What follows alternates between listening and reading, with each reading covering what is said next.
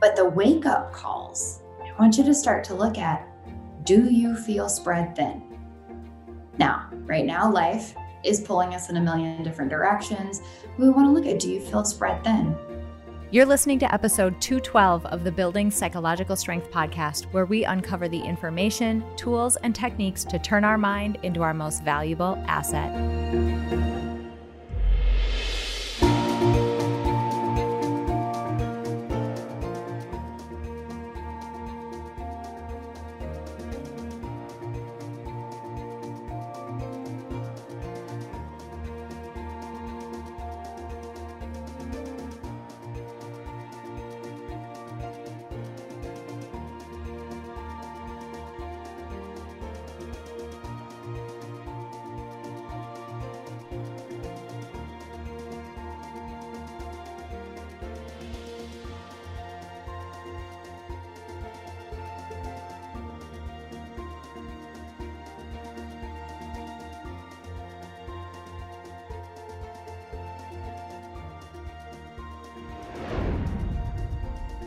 Everyone, welcome back to this Wednesday episode of the Building Psych Strength podcast. I'm April and I'm your host. And I'm really, really excited about this week's topic. This week's topic is actually a sneaky and tough one, um, but it's one that is very near and dear to my own heart because it is one that I've struggled with for a very long time. So I'm really excited. Ashley's here with me, and we're going to unpack this fun topic this week. Mm-hmm. That'll be a good one. All right. So this week we are talking about something called overfunctioning. Ashley, tell me what overfunctioning is and what it looks like specifically when um, when people come to you who need help where this might be at the core or one of the pieces that might be influencing how they're feeling. Absolutely. So when I think about over functioning, it's it's functioning above and beyond what is reasonable for you as an individual. And so I tend to think about it in terms of in, in systems, right? So whether we're looking like within a, a relationship, within a family system, within a workplace team, but it's it's that it, it involves a group of people. And so when someone is over functioning, it's they're taking on a bigger piece of the i like to call it the responsibility pie. Like if we had responsibility and we divvied up the pieces someone is taking on too much. So they are responsible or in charge of uh, controlling or doing the lion's share of the work. And it happens for a number of reasons. It develops out of a, a lot of ways, but it can be really problematic because then it feels like if, if you're the one who's over functioning, it's the weight of the world is on your shoulders. Mm. Or you're having to do things to keep the system afloat or to keep someone else from drowning because they're under functioning mm. in response. And so it's a, it's a lot to kind of unpack and I'll, I'll pause there for a second but then we can we can really talk about like where it comes from and what it looks like and, and more importantly what to do about it yeah, this this reminds me of a topic we covered in December. So if this if if your ears are perking up right now, just know that there's a number of episodes that we've done that can help you unpack this topic and topics like it, we talked about healthy selfishness in December of 2020. And if, again, if this is piquing your interest, I would um, obviously check out this episode that you're listening to, but consider going back to that one because you'll get some additional color there. Mm-hmm. Um, that being said, it's interesting because when we think about you know why we may find ourselves in an over functioning situation it seems a little counterintuitive because it isn't, it doesn't feel good, right? It doesn't feel good for the person who's over functioning to feel like they're carrying this superhuman burden of work. That's not a comfortable situation to be in. But um, we've talked a lot, and I, I want to hit a fundamental sort of principle of the mind because I, I feel like if people just knew four or five things about how their mind work and got really good at applying them to different situations uh, yeah like i mean the, the world would function differently. And this is one of those times. One of the most like fundamental things about our mind is that you know we only have so much capacity for making decisions in a day for being really deliberative and thoughtful and engaged in a day and so, one of the things that our mind tries to do in order to free up resources for us and keep us available to be thoughtful and have some energy left and decision making capability left is that it automates as much as possible. It creates habits and it mm-hmm. creates sort of automated scripts that run in our mind, which causes us to do certain behaviors without even thinking about them. So, the example I always use with people is like when you get in the shower and you are going to wash your hair, do you use shampoo or conditioner 1st mm-hmm. Shampoo. Right. And how hard do you think about that each time you go to do it? Zero thought. You don't right? So your mind has already said it's shampoo, then conditioner. It's shampoo, then conditioner. And it takes that decision off the plate. You don't even think about it. You wash your hair, then you condition your hair, and then you move on and you don't make that decision. Mm-hmm. In the same way, our mind gets habituated, familiar with, it creates a habit around certain behaviors, like many of the ones that lead to overfunctioning to the point where it happens without us even realizing it. And even if it feels terrible. Right. Well, and it's so my mind is going in a couple of different directions because, like, if we kind of look at, I mean, a lot of times when I think about over functioning, I think about it in, as a, a, parent in a family, mm. and often it's the mom. And when I think about, you know, where that comes from, like when you become a parent, you have this infant that is completely dependent on you. You have to over function because that child cannot function independently. So you do, right? You feed it, you monitor, you sleep, you do you do all these things. Somewhere along the way, kids develop agency. They start mm. to develop skills, and unless you're really intentional, in stepping back and letting that child have the chance to use those skills or even develop new skills and learn and all of that, parent swoops in and does it for them. And then they're over functioning. And it's cute when they're little. When they are 16 and can't do basic things for themselves, that's where it becomes a problem. And you have these these systems that develop where one person is over functioning and the others are under functioning. Mm-hmm. So that's one. And I mean, it, it comes out in other ways too. Like you can have maybe someone who loses some of their functioning, they get sick, they have an injury, um, uh, mental health concerns, and they're not able to function in the same way they were.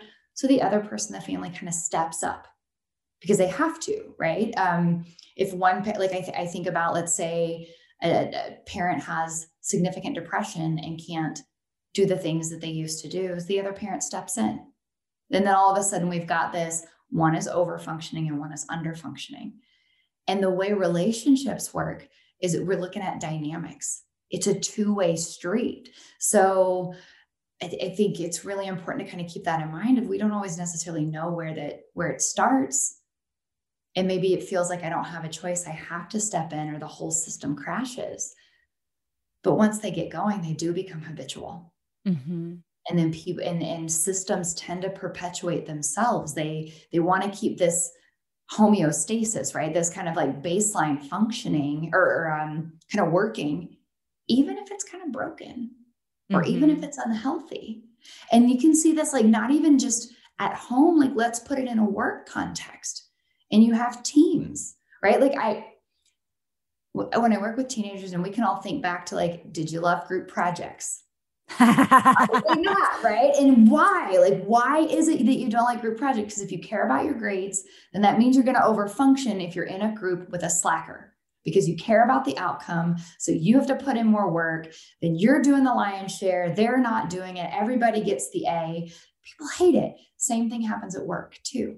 people overfunction because you've got an outcome you're reaching you've got a job that has to be done and if not everybody's willing to do it or able to do it someone has to take it on mm-hmm. that's the mm-hmm. overfunctioning piece well and, and what i what I think is awesome about the first two examples you gave, the example of uh, in a in a relationship with your kids, and then also in a relationship with, say, a significant other, maybe there's an injury or something.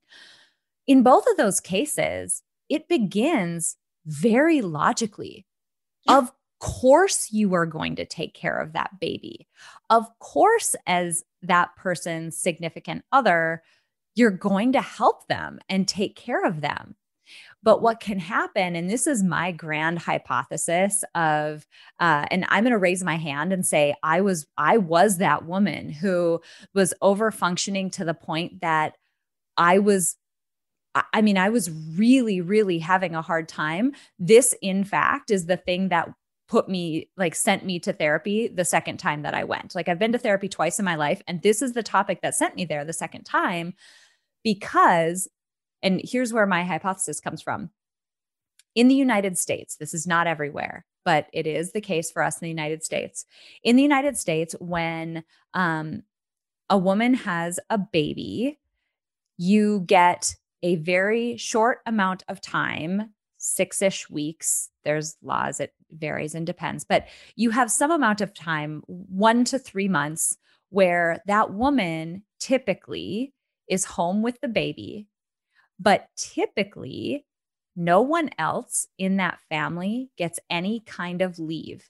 Right. Now, unless you're financially completely set and you don't need that person's um, salary and maybe their job will be held for them um, typically that uh, other person that significant other if there is a significant other they have to go back to work mm-hmm. so what happens is you're in this situation where logically you are the only one who right. can you know attend to that baby's needs mm-hmm. and as we talked about and this is why i wanted to bring up that fundamental thing of our mind's ability to create habits isn't it funny that and and women who are listening to this who have had babies maybe will this might sound familiar you are maybe more tuned to that baby's cry and hear it faster, it's more aversive to you, you're quicker to act, mm-hmm. um, you're more sensitive to it than your partner. You've been trained to be more sensitive to it.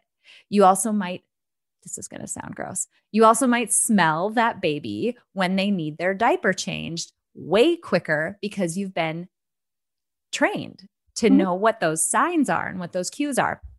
So you get really, really quote unquote good at being the one who can quickly rush in and take care of the situation for a being who cannot take care of themselves.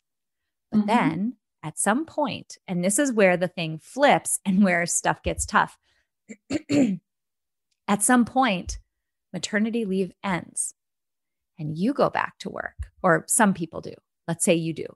You go back to work, and we never question whether the way that we've been operating before is the way that we should continue to operate because our mind has now created a habit loop that says shampoo then conditioner, shampoo then conditioner. In the same way that you did not question which one to use this morning when you showered, in so many of these situations, and we're just using childcare as one example, we can get conditioned to be the one who thinks that they have to act when in mm-hmm. fact other people could. And they get conditioned to not act Bingo. because they haven't had to. And that I think is like such an important piece of this when it comes to overfunctioning is understanding it in that dynamic context, right? Like it, it's it's that two way street. They're also learning I don't have to function, or I can't do it, right? There's a lot of unspoken messages that go, and you know it, it's yeah. There, there's just a couple of things kind of floating in my mind, and, and one is that you know, from that over functioning standpoint, like the downsides of it is that it mm-hmm. can be very stressful for the one who's doing it.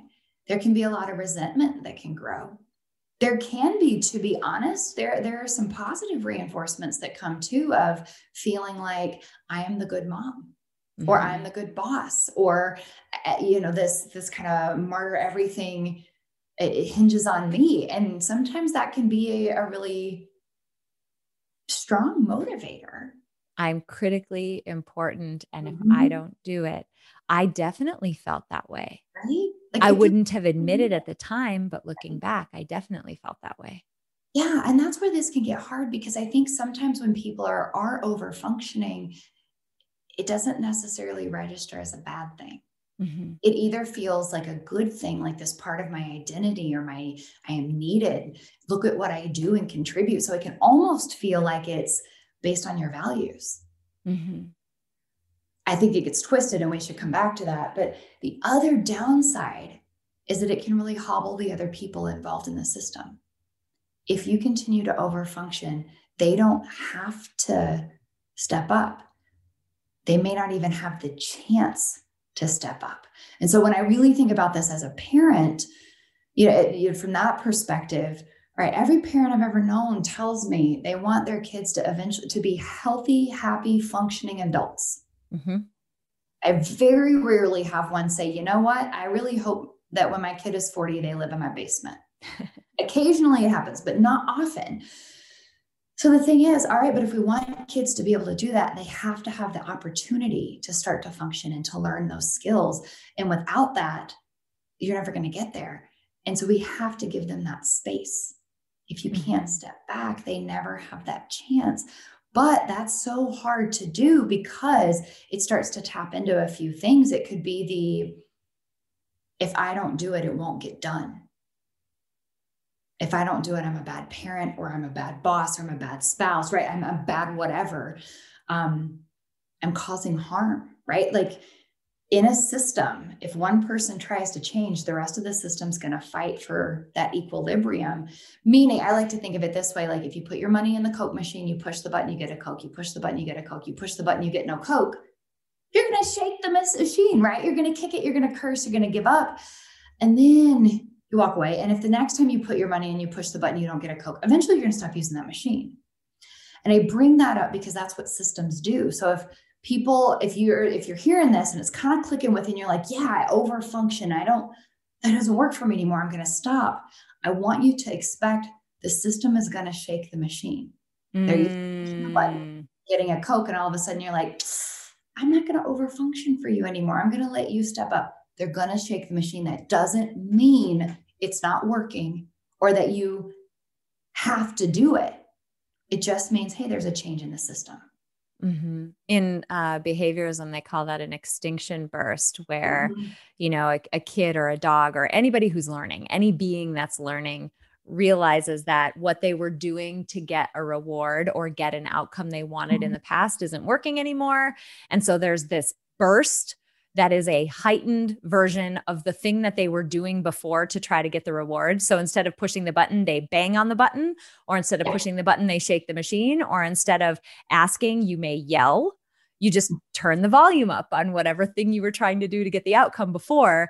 And it's funny because when we, when it, it's counterintuitive because you see that. And to your point, you think, oh, this isn't working. Like this yeah, is not working. Mm-hmm. Oh my gosh. But when in fact, you encourage people in that situation when you see this extinction burst, know that you are on the right path. It means that people have now noticed that something's different.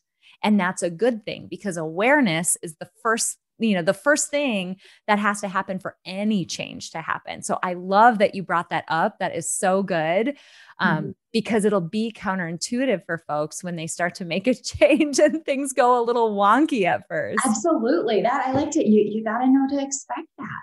And the other piece like if we kind of shift like I, I know when i think about over functioning it's sort of that the individual versus the systemic levels, right? Like you as a person versus the system that you're in. So that with the Coke machine, we're talking about the system, but also on an individual basis, there are other reasons. Like there's the ha- habits or why we overfunction. Other people train us that we have to. Like if you're the parent of a kid who's anxious, I mean, that's what I work with all the time, right? Parents end up stepping in and they're over functioning just in terms of like even helping their kid cope because their kid has such mm. feelings. They have to step in to cope for their kid. So it's really hard. And then if you stop doing that, what that's going to do for you, moms and dads, is you're going to feel really anxious because it's hard to see that in your kid. Or if you step back, then we have our own worries about like, if I don't do if I don't do this and it doesn't get done, like, or if I'm not juggling all these balls and one gets dropped, it's going to be terrible or it's going to be catastrophic. So we kind of get driven by these fears or these worries mm-hmm. to overfunction. And that's a place where I like to kind of step back too and question really like, is it that bad? What would actually happen? Mm-hmm. Is it going to mm-hmm. be a catastrophe if someone gets out of the house with their hair sticking out crazy for once? No, probably not. Mm-hmm. And what would really happen if you forgot something, right? If you didn't do it, and let's say everybody else did forget, is it really the end of the world? Mm-hmm.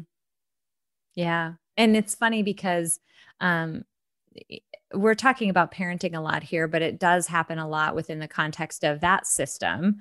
Uh, although, you know, to be fair, so many others are relevant as well. Mm-hmm. Within the context of parenting, I'm going to use that as an example, but again, it, it's it's very relevant for a lot of other situations we find ourselves in.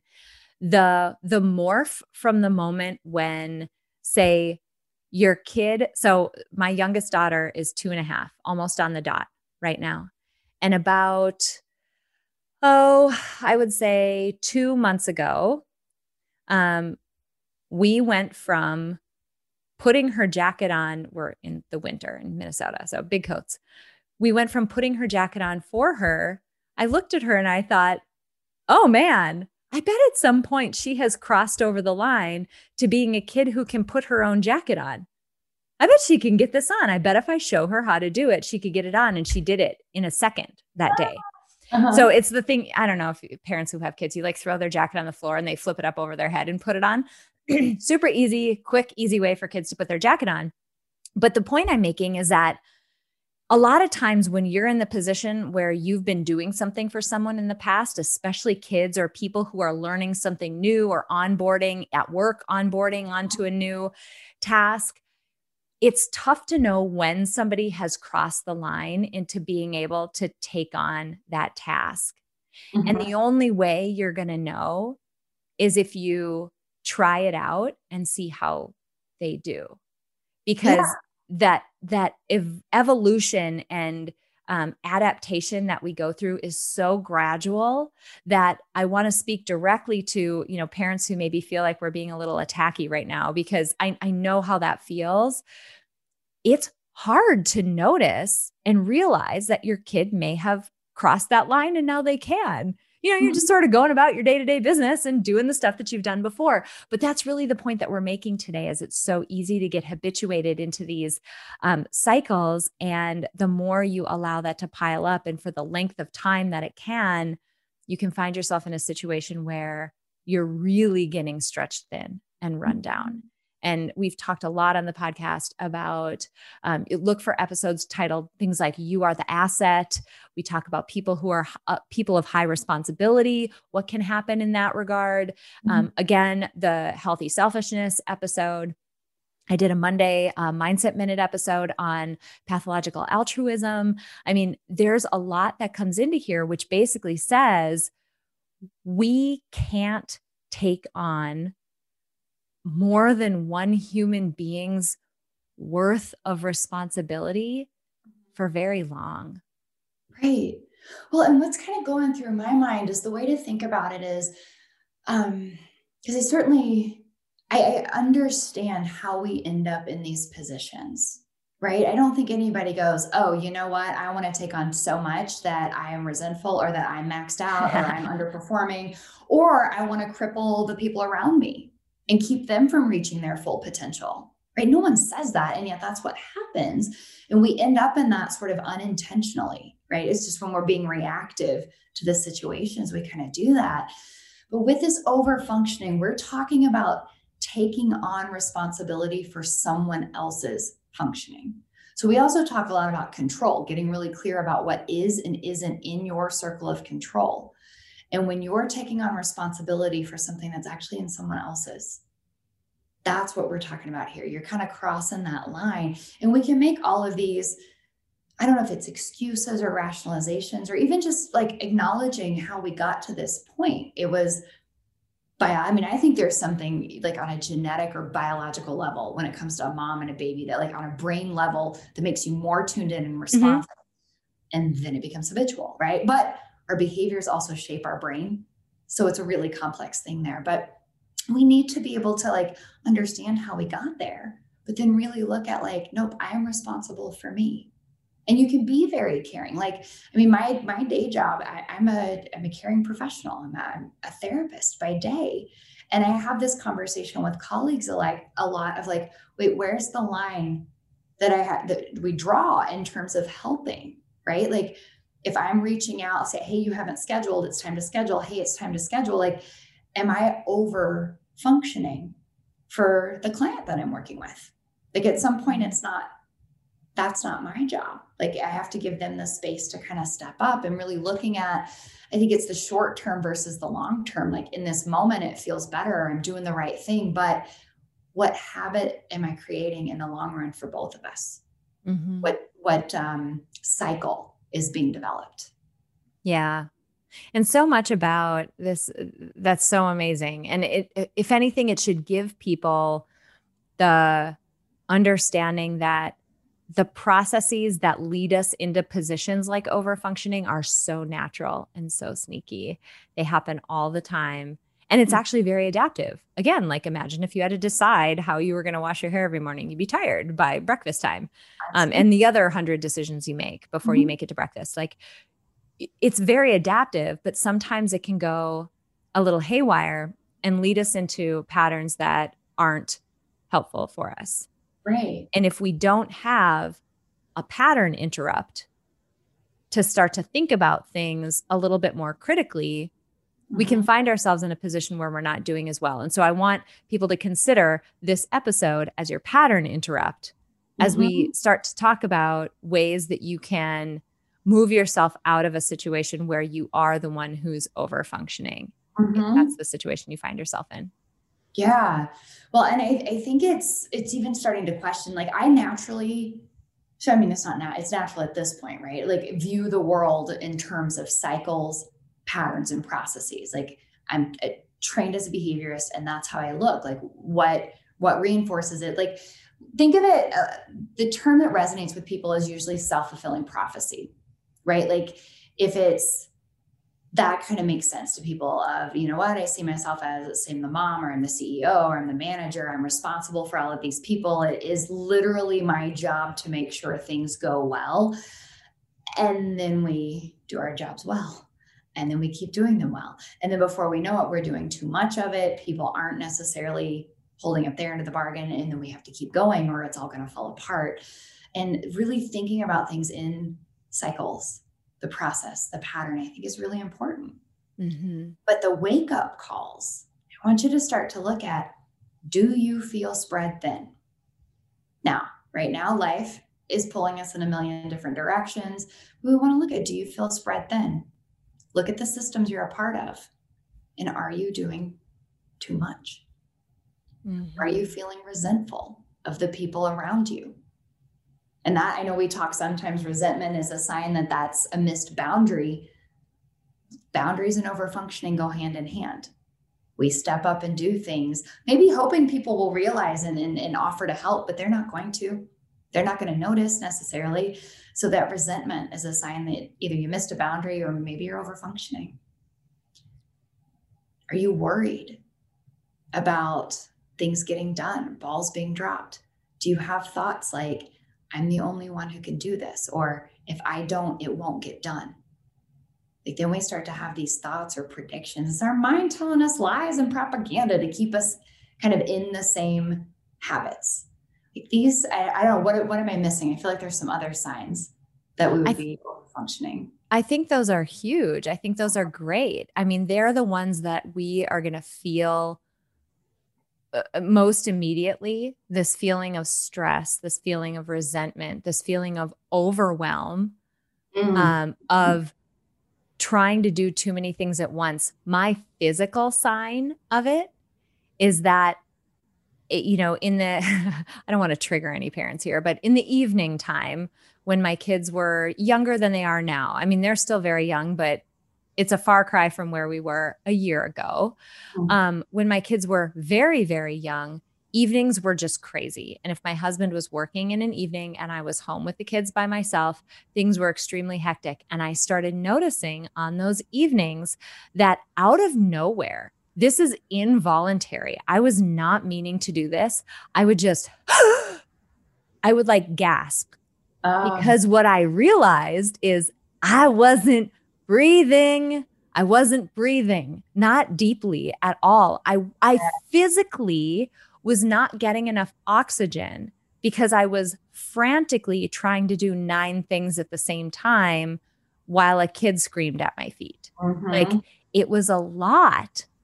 And so, you know, we talk about these emotional signals that, you know, we might be over functioning, stress, resentment, you know, overwhelm but look to the physical as well around how your body feels. Are you feeling tight? Where are your shoulders? Are they up in your ears? Mm. You know, those physical, you know, notations and those physical signs that we're holding a lot of stress and we're almost like our body's clenching because we feel like we're physically holding it all together.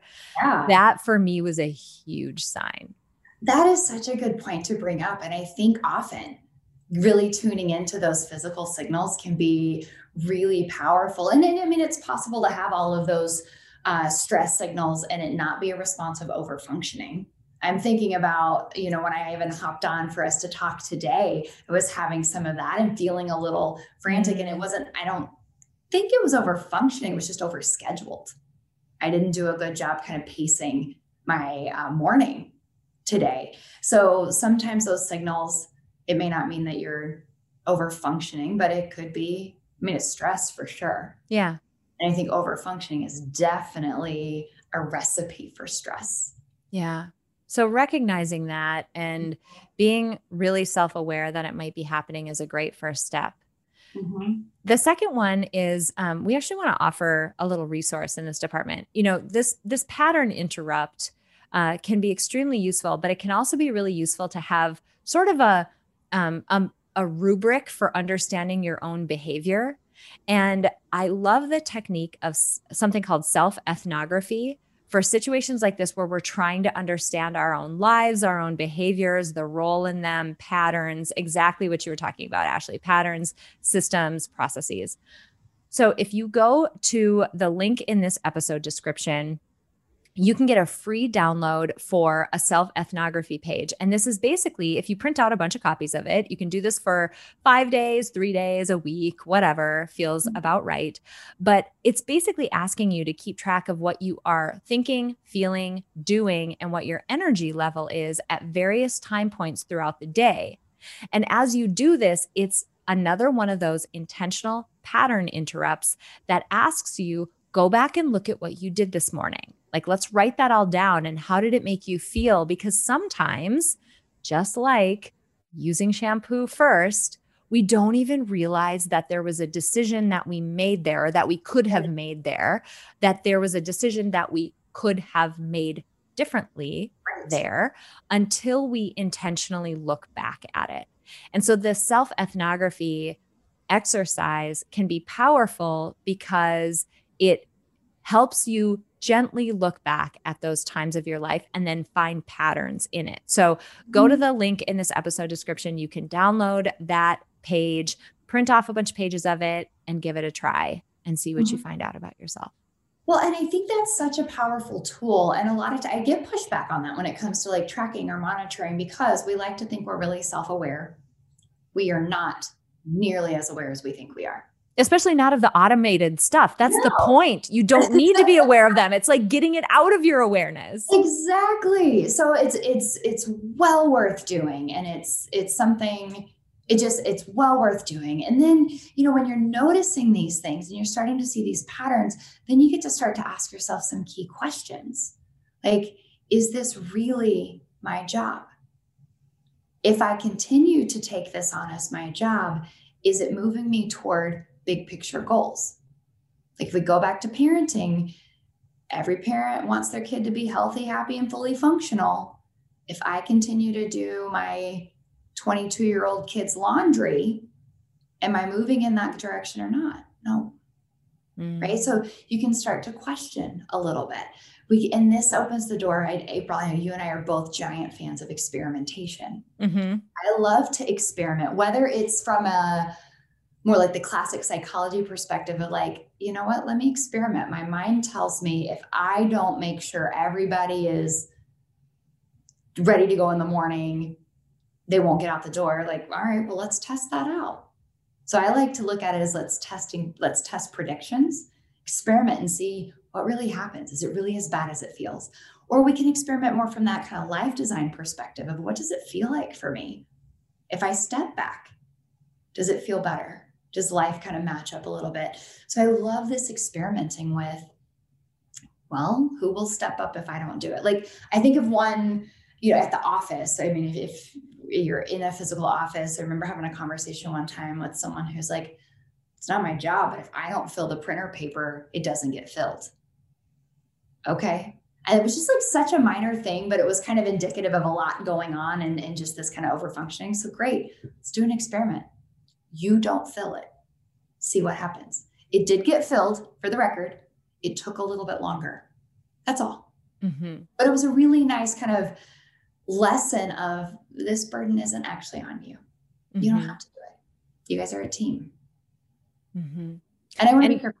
Oh, sorry. I'm not saying that we shirk our responsibilities either. I'm not saying that the goal is to underfunction. It's just to do one human being's worth of work. That's all.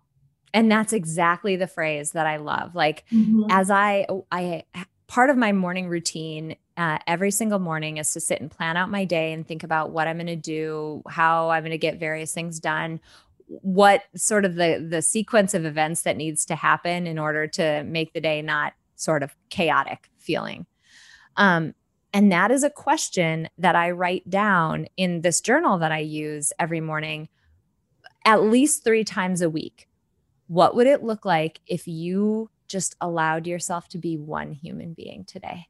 How much of this would you expect one human being other than yourself to get done?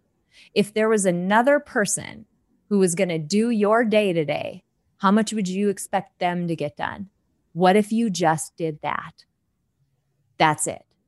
And then stop feeling guilty because mm. you are not you your value is not tied into how much you can get done. And this relates to a, a, a an episode we recently did in an interview with KC Davis.